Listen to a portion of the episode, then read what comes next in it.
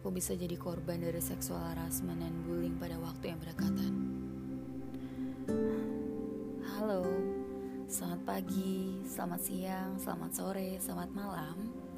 Pada saat kapan pun kalian mendengarkan podcast ini, masih dengan harapan yang sama, I hope you enjoy this podcast. Apa kabar teman-teman semua? Semoga baik-baik aja ya, dan selalu dalam lindungan Tuhan Yang Maha Kuasa. Dan teruntuk kamu yang baru mendengarkan podcast ini, halo, selamat bergabung, selamat datang, dan selamat mendengarkan podcast FVV. Oke, okay, sorry teman-teman kalau misalkan kalian mendengarkan suara uh, guguk atau suara hewan atau suara orang-orang atau suara kendaraan yang berlalu lalang karena aku record ini pas pagi by the way gitu kan jadi masih banyak orang yang berlalu lalang dan suaranya ya pasti ada karena aku tinggal di dunia bukan di planet. Oke balik lagi. Pada podcast kali ini aku mau sharing suatu kejadian yang menjadi pengalaman kurang mengenakan di hidup aku tapi cukup memberikan aku pelajaran berharga. Pada saat ini aku masih dalam tahap recovery mental health. Karena beberapa waktu yang lalu aku menjadi korban seksual harassment, dan bully pada waktu yang berdekatan. Kamu tahu apa itu seksual harassment? Mungkin aku bisa menjelaskan sedikit secara garis besar yang aku tahu. Menurutku, seksual harassment atau pelecehan seksual adalah perilaku yang tanpa disadari bisa terjadi di mana aja. Entah itu di sekolah, kampus, kantor, ataupun di rumah. Dan seksual harassment ini bukan cuma berbentuk nonverbal tapi bisa juga ber ber berbentuk verbal. For example kayak kata-kata yang keluar dari mulut seseorang juga bisa mengandung pelecehan seksual, gitu kan. Dan lain-lain sebagainya. And you can search more about that di Google pastinya. Kamu bisa searching sendiri gitu kan, apa itu sexual harassment, sexual abuse gitu kan. Aku nggak begitu apa ya aku bukan orang yang benar-benar paham tentang ini jadi aku cuma bisa menjelaskan garis besarnya aja. Yaps. Jadi aku mengalami itu di circle terdekatku. Aku nggak bisa jelaskan di mana tempatnya. Aku nggak bisa jelaskan di mana tepatnya. Dan jelas ini di circleku gitu kan. Jadi ada seorang laki-laki yang aku hargai sebagai teman yang lebih dewasa dariku aku menghormatinya karena dia aku pikir orang yang dewasa di umurnya harusnya kan.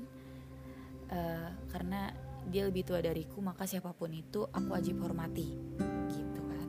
Terus kejadian ini berlangsung beberapa kali. Sebagai contoh si pelaku sering banget modusin aku buat sekedar pegang tangan coba merangkul mengirimi kalimat yang seharusnya nggak pantas untuk dikirimkan di WhatsApp bahkan berani bilang kalimat nggak senonoh dan dianggapnya itu sebuah lelucon. And you know what? Menurutku itu konyol gitu. Karena kalau misalkan aku nggak nyaman dan dilakukan berkali-kali terus cuma dianggapnya bercandaan itu adalah suatu hal yang konyol. Dan reaksiku ketika dia berani modus untuk pegang tangan atau ngerangkul ya aku langsung kayak menjauh gitu. Aku langsung ngelak dan bilang ih apaan sih? gitu kan. Tapi tapi tetap aja dia suka ulangi gitu. Dia suka ulangi itu terus menerus. Sampai aku benar-benar suka ngerasa risih sendiri. Aku benar-benar tertekan di situasi itu. Kalau keinget orang itu aku bawaannya mau marah terus gitu kan. I don't know why. Mungkin aku sebel aja gitu karena orang itu tuh tahan malu. Dia masih kayak yang bercanda-canda masih kayak nganggep aku tuh biasa aja gitu meski aku udah sering banget padahal nunjukin wajah gak suka aku gitu. Tapi masalahnya masalahnya nih mungkin aku belum terus terang aku ini kenapa gitu kan. Kalau aku belum terus terang kalau aku bener-bener udah muak banget sama perlakuannya ke aku gitu. Singkat cerita setelah beberapa minggu dia menyadari perubahan sikap aku. Aku ngerasa canggung aku ngerasa aku takut aku nggak mau lihat wajahnya tiap ketemu dan pokoknya aku jutek. Sikapku random. Apa aja aku lakuin deh pokoknya supaya aku nggak berpapasan atau sekedar eh kontak sama dia. No pokoknya no. Aku benar-benar ngerasa jadi penakut di situ. Karena mungkin aku bingung aku bingung gimana cara jelasinnya bahwa aku nggak suka. Untuk sekedar ngomong aja tuh aku males apalagi untuk eh kontak gitu. Lalu dia kebetulan dia nanyain aku gitu kan lewat WhatsApp eh enggak di sini aku belum berani jujur. Terus dia cuma nanya kayak lo kenapa berubah? gitu kan. Awalnya aku masih ngelak dan aku masih jawab enggak aku biasa aja gitu kan. Karena aku masih sulit untuk jujur aku masih takut gitu. Tapi lama kelamaan semakin dipendam semakin aku pendam kejujuran itu aku ngerasa makin risih. Dan aku baru berani jujur ketika orang terdekatku kayak teman-temanku dan bahkan orang tuaku udah menyarankan kamu harus berani jujur supaya lega dan kamu gak takut lagi sama dia gitu kan. Oke okay, I will try. Kebetulan si pelaku WhatsApp aku lagi. Nah aku pikir ini adalah uh, apa waktu yang tepat aku mau ngejelasin ini semua gitu loh. Dia nanya eh dia mengungkapkan kayak gue jadi canggung tiap gue lihat lo gitu kan. Terus aku jelasin sesopan mungkin sebisa mungkin se pelan-pelan mungkin dengan cara aku lah aku ngejelasin bahwa aku risih selama ini gitu kan. Kayak aku tuh risih setiap dia perlakukan itu ke aku. Padahal aku udah berusaha ngejelasin aku risih waktu dia mencoba merangkul aku dan aku langsung sigap menolak gitu kan. Tapi tetap aja dia nggak ngerti gitu. Aku aku jelaskan kalau aku risih di situ gitu kan. Padahal aku juga menghormatinya kan sebagai orang yang lebih dewasa. Tapi kalau seperti itu aku udah nggak peduli lagi gitu kan. Karena aku nggak nyaman pada situasi itu. Saat aku disentuh. Aku jelasin ya pokoknya aku nggak nyaman saat aku disentuh laki-laki yang bukan keluargaku bahkan gitu loh. Dan aku rasa aku berhak atas hak itu gitu. Setelah aku jelasin itu dia minta maaf.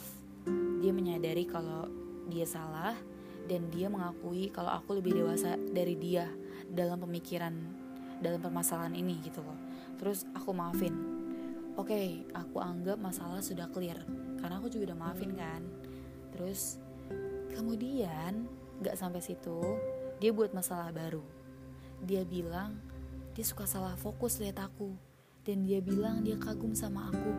Duh, aku sendiri bahkan kayak yang bingung. Seharusnya yang dia kagumi adalah perempuan yang telah melahirkan anak-anaknya dong. By the way, si pelaku ini udah punya anak dan istri gitu kan. Jadi aku benar-benar bingung kenapa dia harus kagum sama aku gitu loh kan. Terus uh, aku yang udah bener-bener udah maafin dia tadinya aku yang udah adem ayem uh, terus dengan cara dia di WhatsApp ngomong dia bilang kagum sama aku aku jadi risih lagi dong aku jadi takut dan singkat cerita semenjak dia WhatsApp aku yang dia bilang kagum uh, pasanganku tahu kan soal ini. Terus dia pikir ini udah keterlaluan. Karena padahal kan aku udah maafin nih tapi dia masih yang sering WhatsApp aku bilang kagum, bilang ya cuma kagum dan gak harus memiliki. Loh itu kan lebih kayak mengganggu aku dong gitu kan. Terus uh, pasanganku jadi ikut atasi masalahku karena menurut dia ini udah keterlaluan. Dia udah bener-bener ngeganggu aku gitu kan. Dan uh, pasanganku ikut atasi masalahku dengan cara ketemu dan ngobrol baik-baik sama si pelaku. Gak ada kekerasan apa pun bener-bener ngomong baik-baik karena karena ada aku di situ by the way gitu kan. Oke. okay. Masalah ini aku rasa udah clear karena dia udah ngobrol baik-baik dan dia juga udah minta maaf ke aku dia minta maaf ke pasanganku. Jadi aku anggap ini masalah udah clear gitu kan. Dan gak sampai sini ternyata. Setelah dia minta maaf yang kedua kalinya dia malah nebar fitnah ke orang-orang di circle itu. Seolah-olah aku yang kegeeran gitu loh padahal udah jelas banget kan dia juga udah minta maaf dan aku juga udah maafin gitu loh. Terus dia menebar fitnah ke orang-orang terdekatku di circle itu. Katanya aku berlebihan katanya aku nggak bisa bercanda gitu. Kata dia padahal ini bercandaan aja dan aku bener-bener katanya orangnya kaku nggak bisa bercanda apa segala macam. Ya Allah mana ada bercanda kayak gitu gitu kan. Dan dari situ beberapa orang terdekatku di circle itu pokoknya di circle itu beberapa orang mempercayai cerita yang disebarkan si pelaku. Dan aku aku dibully. Aku benar-benar tertekan. Banyak yang tiba-tiba mengabaikan aku ngebenci aku tanpa sebab padahal awalnya baik-baik aja. Dan aku pasti ngerasa sedih lah. Aku seolah-olah aku ngerasa kayak di circle itu aku nggak punya teman. Aku terpukul aku ngerasa seolah-olah dunia tuh nggak adil gitu kan. Karena di sini aku korbannya bukan dia gitu. Aku merasa aku nggak berlebihan aku bisa aku bercanda orang aku orangnya. Maksudnya aku aktif-aktif aja gitu kan di di mana pun ya aku bisa bercanda gitu kan. Tapi menurut aku ini udah nggak normal bercandaannya gitu. Dan aku nggak nyaman gitu. Seiring berjalannya waktu aku coba bodoh amat perihal berita-berita yang dia sebarin gitu kan. Yang dia sebarin seolah-olah aku yang salah. Aku nggak peduli. Karena aku percaya kebenaran pasti bakal kebukti cepat atau lambat. Jadi aku sabar aja. Terus ini semua kasih aku pelajaran berharga, terutama soal kejujuran sama apa yang kita rasa. Jangan takut gak punya teman. Justru dari sebuah kejujuran kita bisa tahu mana orang yang benar care, mana orang yang benar-benar fake. Terus kalau kita nggak nyaman, ya mending jujur dan ngomong, jangan dipendam. Terus untuk teman-teman perempuan semua, hati-hati di mana pun kita berada. Jangan pernah takut mengungkap kejujuran Jangan takut bertindak kalau kita merasa nggak nyaman dan nggak aman. Terima kasih udah mendengarkan curhatan aku.